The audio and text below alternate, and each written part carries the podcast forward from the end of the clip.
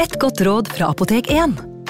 Nå er snart pollensesongen i gang, og et godt råd til deg som sliter med pollenallergi, er å begynne behandlingen i god tid før allergisesongen starter. Da får du nemlig enda bedre effekt av legemidlene, og så blir ikke våren din helt ødelagt. Kom innom og få råd på ditt nærmeste Apotek 1, eller chat med oss på apotek1.no.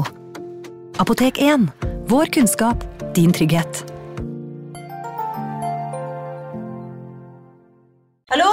Jeg kommer fra Oslo politikammer. Ine Jansen er purk. Er du purk? The motherfucking bitch. Alt jeg vil, er å finne ut hva som skjedde med mannen min. Jon Carew. Er jeg sikta for noe? Iben Akeli. Det er du.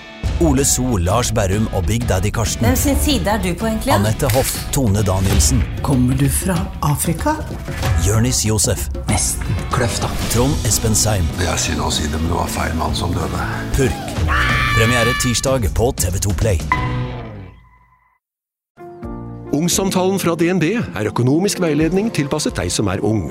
Bokk en ungsamtale på dnb.no. slash ung. Det er kjempebra hvis du skal inn på boligmarkedet, hvis det er drømmen din, liksom. Det er det du skulle sagt. Og så kunne du ropt litt mer, da, sånn som jeg gjorde. Bam! Advarsel. Denne podkasten inneholder skildringer av ekte drap og kriminalsaker som kan være støtende for enkelte. Det advares også mot sterke inntrykk i deler av episoden. Kayleigh Marie Anthony er død. Små knokler og en liten hodeskalle ble funnet av en landskapsarbeider fra kommunen. Han hadde sett noe lyst ligge på bakken ved et buskas, og ble forferdet da han så det lignet en hodeskalle. Den var så liten, mye mindre enn han trodde en hodeskalle skulle være.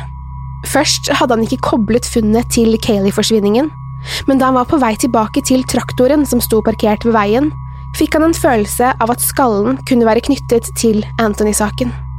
Han visste ikke helt hva han skulle gjøre, hvem han skulle ringe, så valget falt på å kontakte arbeidsgiveren og be om råd. Sjefen hans tok på seg jobben med å varsle politiet, og dermed var sirkuset i gang. Han husker han sto ved hodeskallen og ventet på politiet. Han kunne høre sirener i det fjerne og et helikopter som nærmet seg. Da han var på vei tilbake til kontoret, hadde media allerede samlet seg nedenfor skogen. Det var da han forsto at han trolig hadde funnet levningene etter Kayleigh Anthony. Noen dager senere ble det bekreftet på pressekonferanse at Kayleigh var død. Kayleigh var drept. Casey, mammaen hennes, ble siktet for overlagt drap og barnemishandling. I Florida kan et slikt lovbrudd straffes med døden, og Caseys fremtid, ja faktisk liv, var i hendene til en relativt uerfaren advokat som til gjengjeld hadde stor personlighet og dertilhørende selvtillit. Det var klart for århundrets rettssak. Casey Anthony mot folket. Velkommen til True Crime Podden.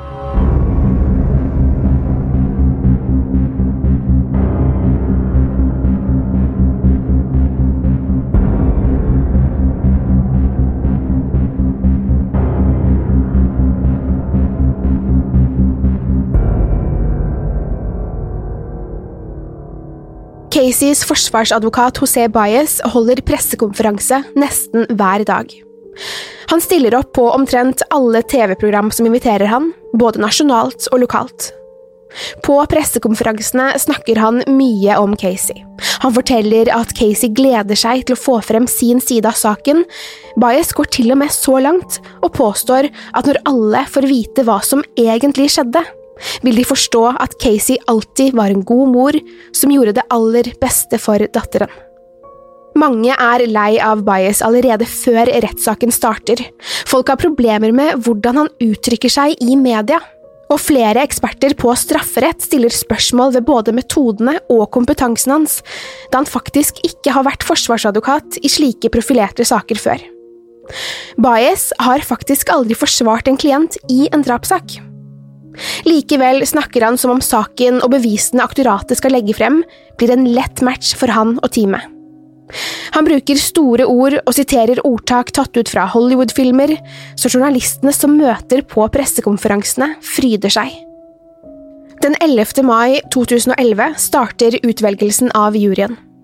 Det blir ikke lett, for det finnes knapt et menneske som ikke har hørt om saken, og retten antar at de fleste i Orlando allerede har gjort seg opp en mening om Casey er uskyldig eller ikke.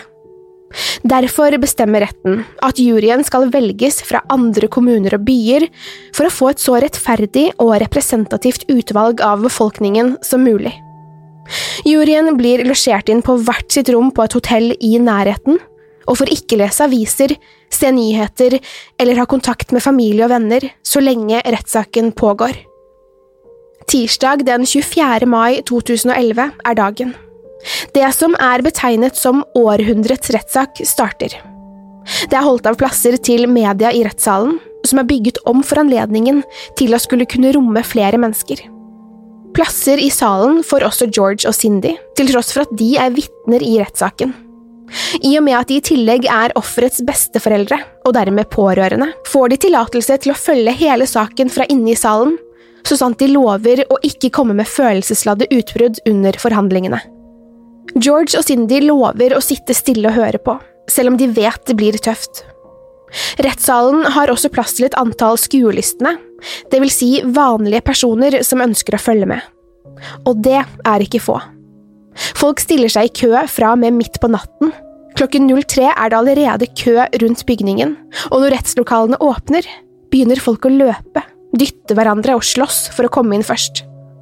Det må settes inn ekstra politi for å holde styr på folkemengden, for ved soloppgang, flere timer før retten er satt, er store grupper med demonstranter allerede i gang. Rettssaken sendes live på TV. Det er som om hele USA står stille idet juryen kommer inn i lokalet. Casey Anthony ser annerledes ut enn på arrestasjonsbildene. Hun har ikke lenger kort bob, men langt hår dratt bakover i en pen hestehale. Hun har på seg hvit skjorte, mørke jeans og ser veldig ordentlig ut. Casey titter ned i gulvet idet hun trer inn i lokalet, tydelig nervøs og utilpass. Det er ikke den sedvanlige Party-Casey vi ser denne gangen, slik som man er vant til fra de utallige medieoppslagene om henne de siste månedene. Retten er satt. Det er helt stille i rettssalen, og stemningen er trykket, nesten elektrisk. Linda Drain Burdick, hovedaktor i saken mot Casey, skal starte sin åpningstale. Burdick sier, Så usannsynlig det enn er, finnes det ingen alternativ forklaring på hvorfor Kayleigh er borte. Hvorfor Kayleigh er død. Det er vanskelig å forestille seg at en mor dreper barnet sitt, men her er vi. Casey Anthony rister på hodet mens Burdick taler. Hun ser bort på advokaten sin, som smiler og sier noe som virker beroligende på henne. Linda Burdick ber juryen se tilbake på Caseys oppførsel fra dag én. Hun ber dem huske løgnene, og spør om det er normal oppførsel for en mamma til et forsvunnet barn. Hvorfor drepe Kayleigh, sier hun med høy og myndig stemme, og fortsetter. Casey ville ikke være mamma. Hun ville ikke engang ha Kayleigh, for en baby kompliserte livet til Casey, som bare ville feste og være som ungdom flest. Ingen andre løy til familie, venner, kjæreste, etterforskere. Bare Casey. Aktor Burdick sin åpningstale er svært god, og spenningen stiger når det er forsvarsadvokat José Baez sin tur. Han har en stor jobb foran seg. Han skal forklare for allmennheten, og ikke minst juryen, hvorfor en mor løy om forsvinningen til alle, foreldre, venner, politiet. Hvorfor hun løy om jobben sin, og kanskje aller verst, hvorfor hun ikke ringte etter hjelp da hun forsto at Kayleigh var borte, og deretter holdt det skjult i 31 dager.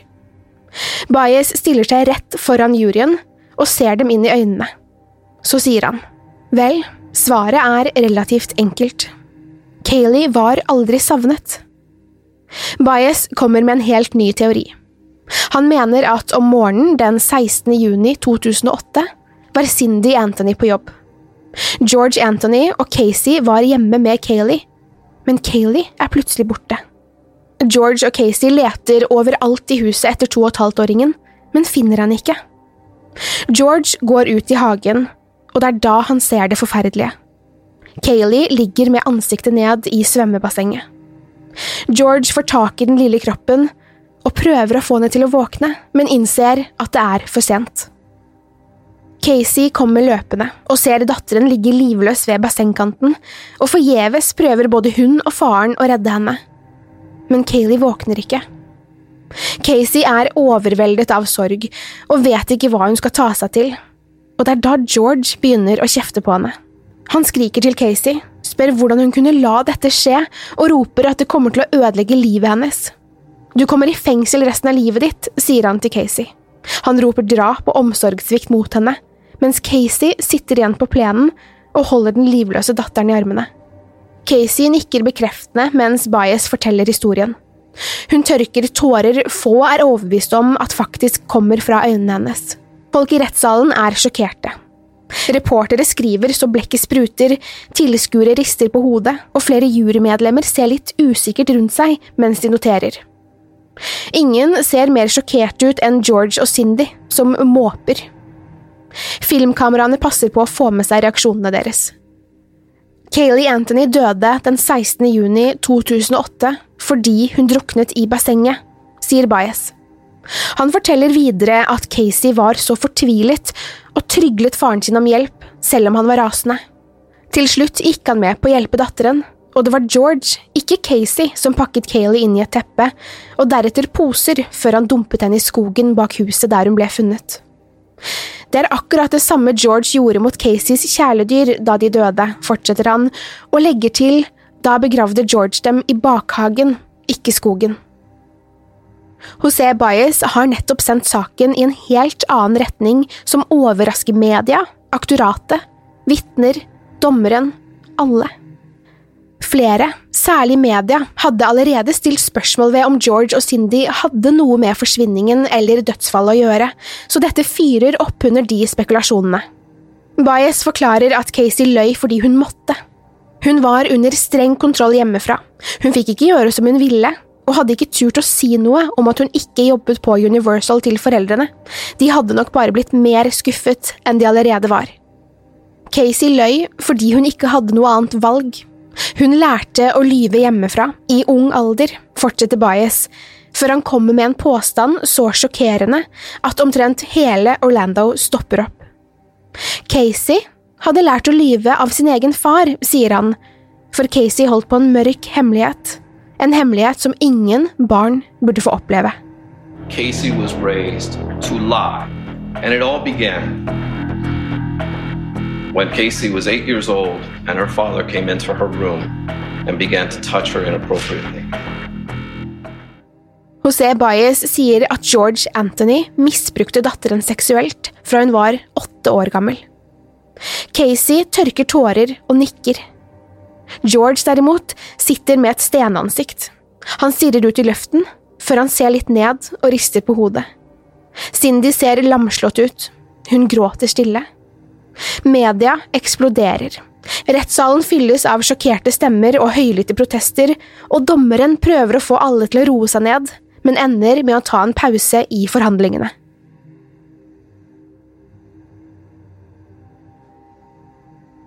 José Baez har gitt alle et stort sjokk. Ingen hadde noensinne trodd han skulle gå så langt. George og Cindy hadde fått vite på forhånd at Baez skulle komme med alvorlige anklager mot dem, men ikke i sin villeste fantasi hadde de trodd at dette var det han skulle trekke frem, og at Casey i tillegg skulle sitte og nikke bekreftende på det advokaten hennes sa. George har senere fortalt at han trodde livet ikke kunne bli verre da han fant ut at Kayleigh var død rett før jul samme år som hun forsvant, men det ble det etter anklagene fra Baez. George Anthony er første vitne i saken, bare en time etter at Bias har fortalt hele verden at George misbrukte sin egen datter da hun var barn. Han kjenner seg nummen idet han setter seg i vitneboksen og tar en slurk vann. Det er tydelig at det er en nedbrutt og utslitt George som sitter der, det er ikke politimannen, faren, ektemannen, bestefaren lenger.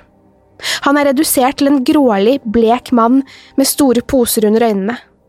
Det er hjerteskjærende å se på, melder flere nyhetskanaler.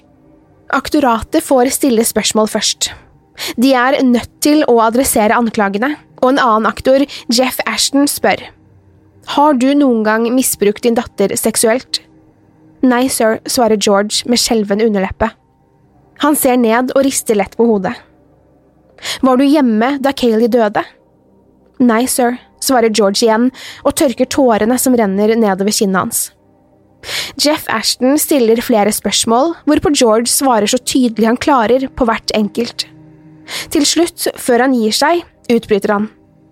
Si meg, herr Anthony, hvor mye smerte er det mulig for en enkelt mann å ta? George bryter sammen.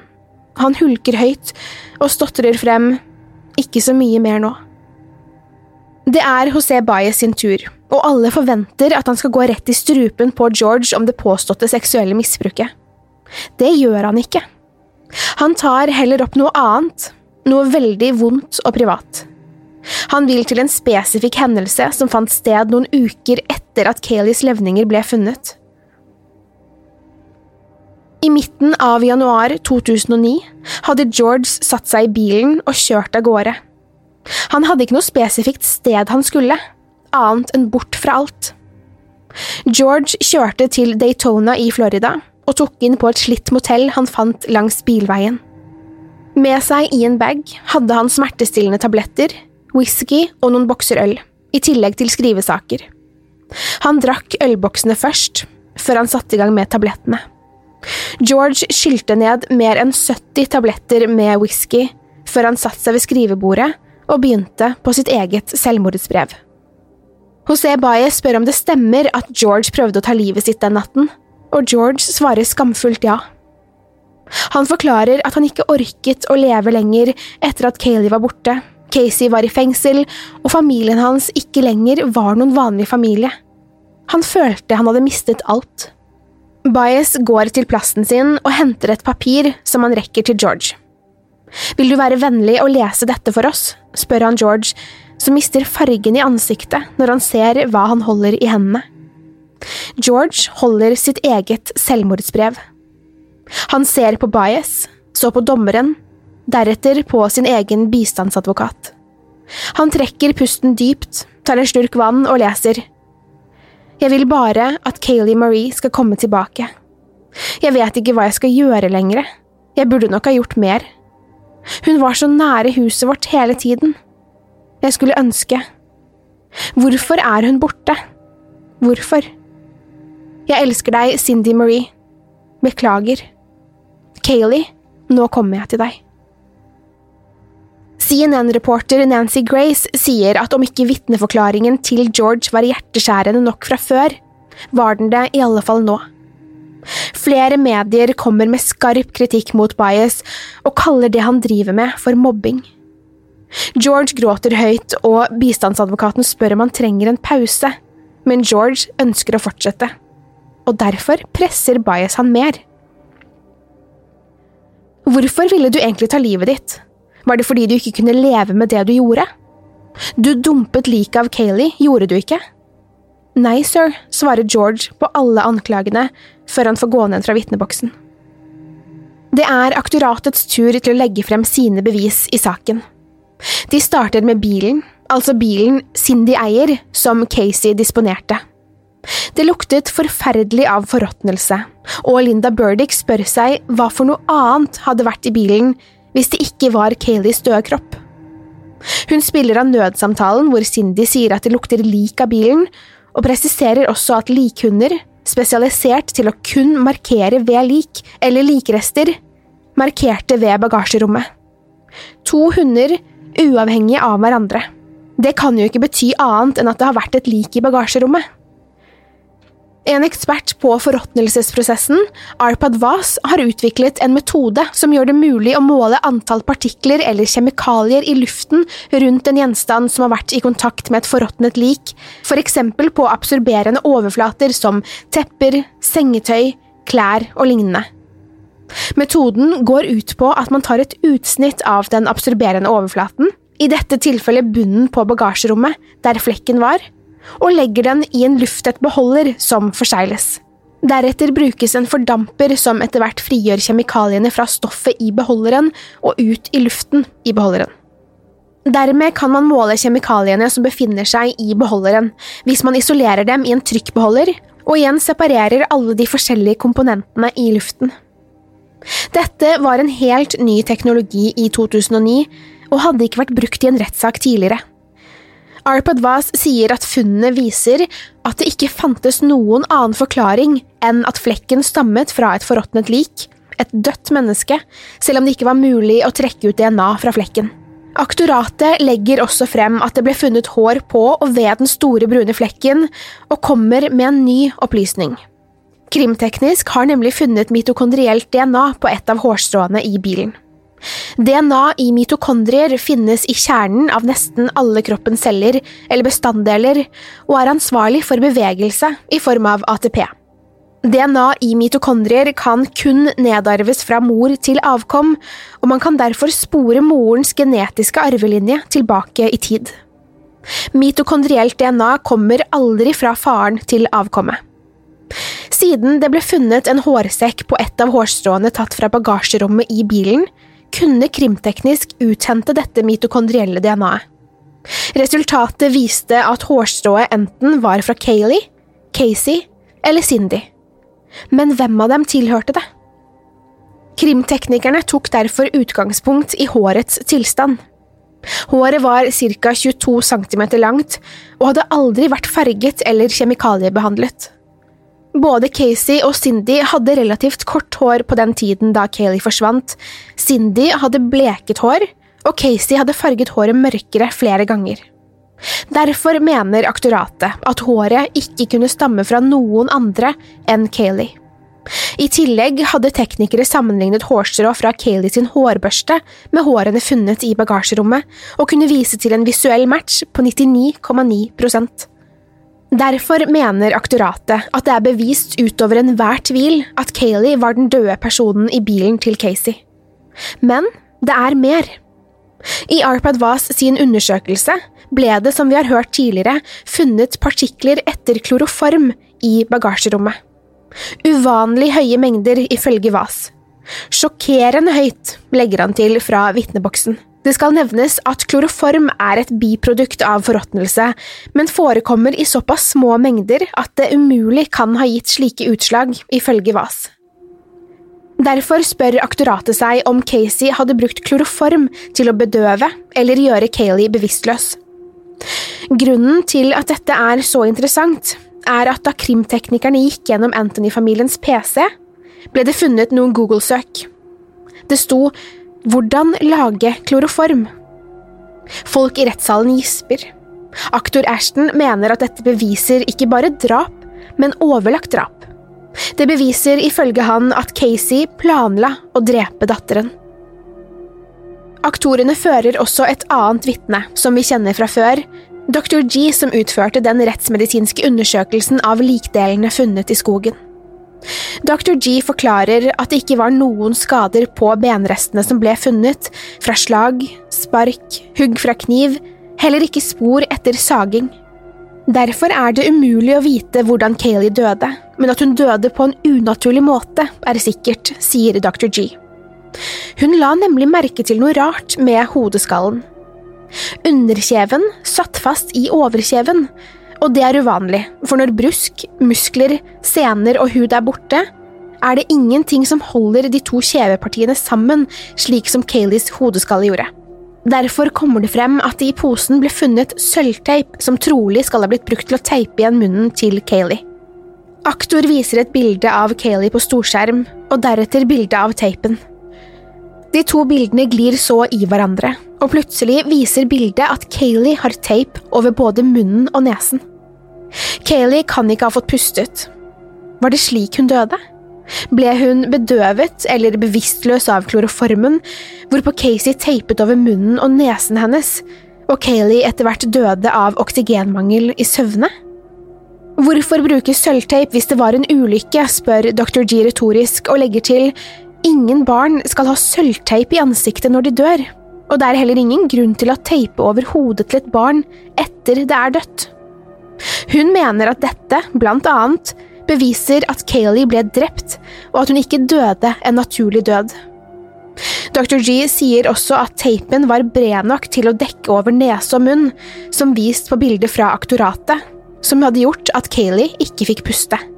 Teorien til aktoratet er at Casey brukte kloroform på Kayleigh, slik at hun mistet bevisstheten, og deretter teipet over munn og nese, slik at Kayleigh sluttet å puste.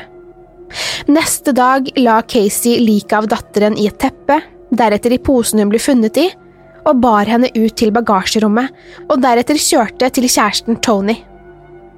Aktor viser flere bilder av Casey tatt etter Kayleys død, og spør hva var motivet for drapet, for hun selv svarer på sitt eget spørsmål. Hun peker på bildene og sier her er svaret. Bildene viser at Casey plutselig lever et helt annet liv. Hun er ute og fester flere ganger i uken, hun smiler, ler og deltar til og med på en hot body contest, der deltakerne skal sanke stemmer for hvem som har finest kropp. Bilder av Casey i stramme, korte kjoler og støvletter mens hun danser på bardisken med en annen kvinne tett inntil seg, ruller over skjermene i retten. Et annet bilde viser Casey ta en tatovering på skulderen to dager etter Kayleys død. På skulderen til Casey står det La Bella Vita, som betyr det vakre liv eller det gode liv, avhengig av sammenhengen. Ekskjæresten Tony og romkameraten Clint vitner også. Begge sier at Casey virket gladere og lettere til sinns etter Kayleys død, og ikke én gang var hun emosjonell, stresset eller opprørt. Hun var hos dem nesten hele måneden, og var med dem på fester, de lagde mat hjemme, så film og dro på kjøreturer sammen. Hun var sitt vanlige, blide jeg, og både Tony og Clint uttrykker at de har store problemer med å forstå hvordan hun klarte det mens hun visste at Kayleigh var død. Det er slik at aktoratet sitter med bevisbyrden. Det er de som tar ut tiltale, det er de som bygger saken mot den tiltalte, det er alltid de som skal bevise at et lovbrudd har skjedd. De må overbevise juryen utover enhver tvil at Casey drepte Kayleigh med overlegg. Forsvaret behøver ikke å legge frem bevis. De må i hovedsak klare å stikke hull på aktoratets teorier og bortforklare bevisene aktoratet kommer med, for finnes det tvil, skal den komme den tiltalte til gode. De må få juryen til å stille spørsmål ved aktors bevis og teorier, og dette var en jobb José Baez tok på strak arm. Han startet forhandlingene med å anklage Caseys far for seksuelt misbruk, og prøvde å få George sitt eget selvmordsforsøk til å virke som han gjorde det av skyldfølelse. Baez går rett i strupen på aktoratets tekniske bevis. Det var nemlig en naturlig forklaring på hvorfor det luktet så vondt i bilen – søppelposen. Været hadde vært varmt, og søppelet hadde ligget lenge i bagasjerommet og råtnet, ikke rart det stinket i bilen. Han setter Cindy i vitneboksen. Hun sier at det bare var en måte å beskrive lukten på, hun mente ikke på ordentlig at det hadde vært et lik der, slik hun sa i nødsamtalen. Hun endrer altså forklaring. Baye spør henne også om søket på familie-PC-en, der noen hadde søkt på hvordan lage kloroform. Han spør, hvem søkte informasjon om kloroform? Det var meg, svarer Cindy. Hun sier også dette. Jeg søkte på kloroform, nei, jeg mener klorofyll, og så skrev jeg feil.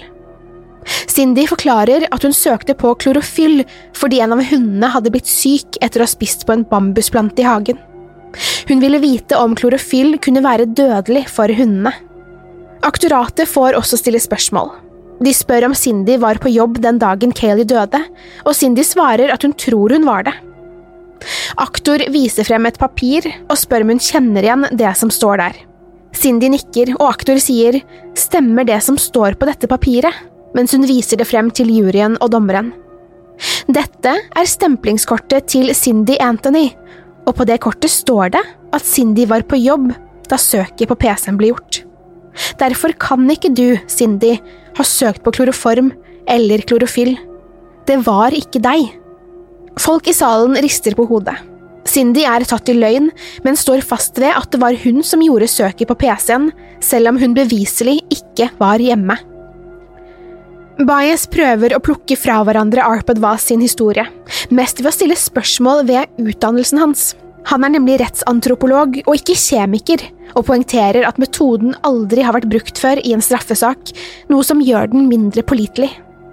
Han nevner også at Vaz aldri har vitnet i retten før, og sier at han virker nervøs. Arpad Voss vet ikke helt hva han skal svare, men står fast ved sitt tidligere vitnemål. Baez plukker også fra hverandre teorien om at det fantes sjokkerende mengder kloroform i bilen, da kloroform kan finnes i flere typer vaskemidler, og mener det er naturlig at det kan ha vært rester av det i bilen. José Baez er ikke ferdig. Nå skal landskapsarbeideren fra kommunen, han som fant Kayleys levninger, kryssforhøres. Mannen skal ha tatt en pinne og stukket den inn i den ene øyehulen på hodeskallen for å se nærmere på hva det var han hadde funnet. Mannen innrømmer å ha gjort det, ene og alene for å ikke ta på noe i tilfelle det var en død person han hadde funnet, og Baez mener det betyr at hele åstedet ble kontaminert, og at ingen bevis derfra kan brukes i retten, for man vet jo ikke hva mer den kommuneansatte gjorde på åstedet, som kanskje han ikke vil fortelle. Baez ber derfor juryen om å se bort fra bevisene som kom fra åstedet, som for eksempel sølvteipen. Likevel tar han inn en ekspert innen krimtekniske undersøkelser, som sier at hvis sølvteipen skal ha sittet på Kayleys ansikt, over munnen og nesen slik aktoratet mener, burde det vært DNA fra Kayleys hud i limet. Aktoratet sier at all DNA fra posene og teipen var borte grunnet at de hadde ligget eksponert for vær og vind. Før Baez er ferdig, spør han alle vitnene som kjenner Casey om hun var en god mor. Alle svarer ja, slik de har sagt før. Så begynner han. Hvorfor skal en god mor, en som elsker barnet sitt, drepe henne?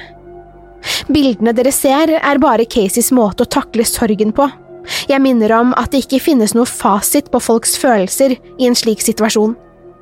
Prosedyrene starter. Aktor Linda Burdick sier Hvem hadde mest å tjene på Kayleys død? Hun tar en lang pause, ser juryen inn i øynene og sier Her er svaret. Deretter kommer bildene av Caseys skjønnhetskonkurranse, dansingen på bardisken og tatoveringen frem igjen. Bella Vita, sier hun. Baez mener i sin prosedyre at det ikke finnes noen bevis for at Casey drepte Kayleigh. Han nevner ikke mer om George sitt selvmord, heller ikke om det påståtte seksuelle misbruket som alle trodde han skulle snakke mer om. Baez viser et nytt bilde, som ingen i juryen eller media har sett før. Det finnes bare ett bevis, sier han, og på bildet ser man lille Kayleigh i en rosa badedrakt. Bildet er tatt bakfra, og Kayleigh står inne i stuen og strekker seg opp til håndtaket på terrassedøren. Gjennom vinduet kan man se at svømmebassenget bare er et par meter fra døren, uten sikringer. Bildet viser at Kayleigh kan ha klart å åpne døren selv og gått ut i bassenget. Dermed trekker juryen seg tilbake. Casey Anthonys skjebne er i hendene til syv kvinner og fem menn. Skal hun gå fri, eller skal hun dømmes til døden og henrettes? Etter ti timer og 40 minutter har juryen kommet til enighet. De går ut med alvorstunge miner, ser tydelig preget ut av stundens alvor. Jurylederen rekker en mappe til dommeren, og han ser over avgjørelsen deres. Deretter stiller juryformannen seg opp og leser kjennelsen.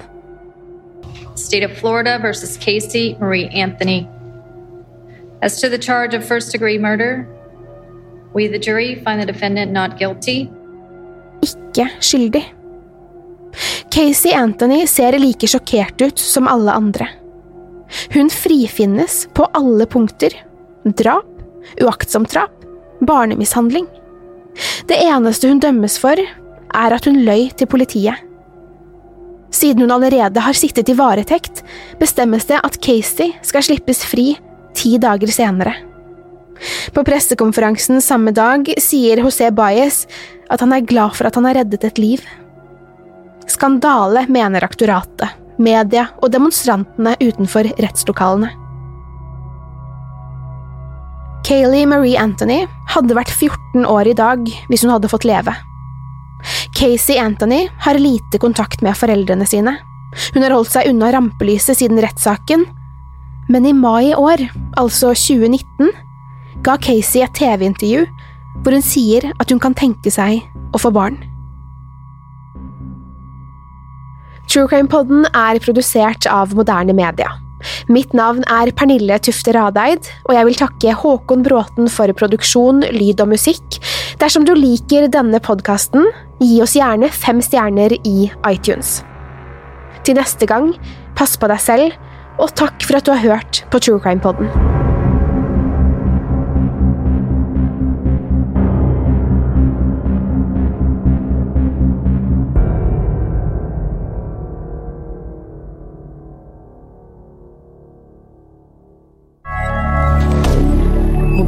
media. Har du et enkeltpersonforetak eller en liten bedrift?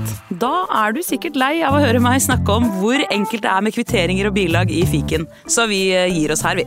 Fordi vi liker enkelt. Fiken superenkelt regnskap. Hei! Takk for at du lytter til True Crime Podden. Skulle du ønske at du kunne høre en ny episode av denne podkasten hver eneste uke? Vel, da er det bare å laste ned podkastappen Untold med en gang. I tillegg til ukentlige episoder av podkaster som Skrekkpodden, Synderne og Henrettelsespodden, får du masse annet reklamefritt og eksklusivt innhold. Last ned Untold i AppStore eller Google Play, og start din 30 dagers prøveperiode i dag.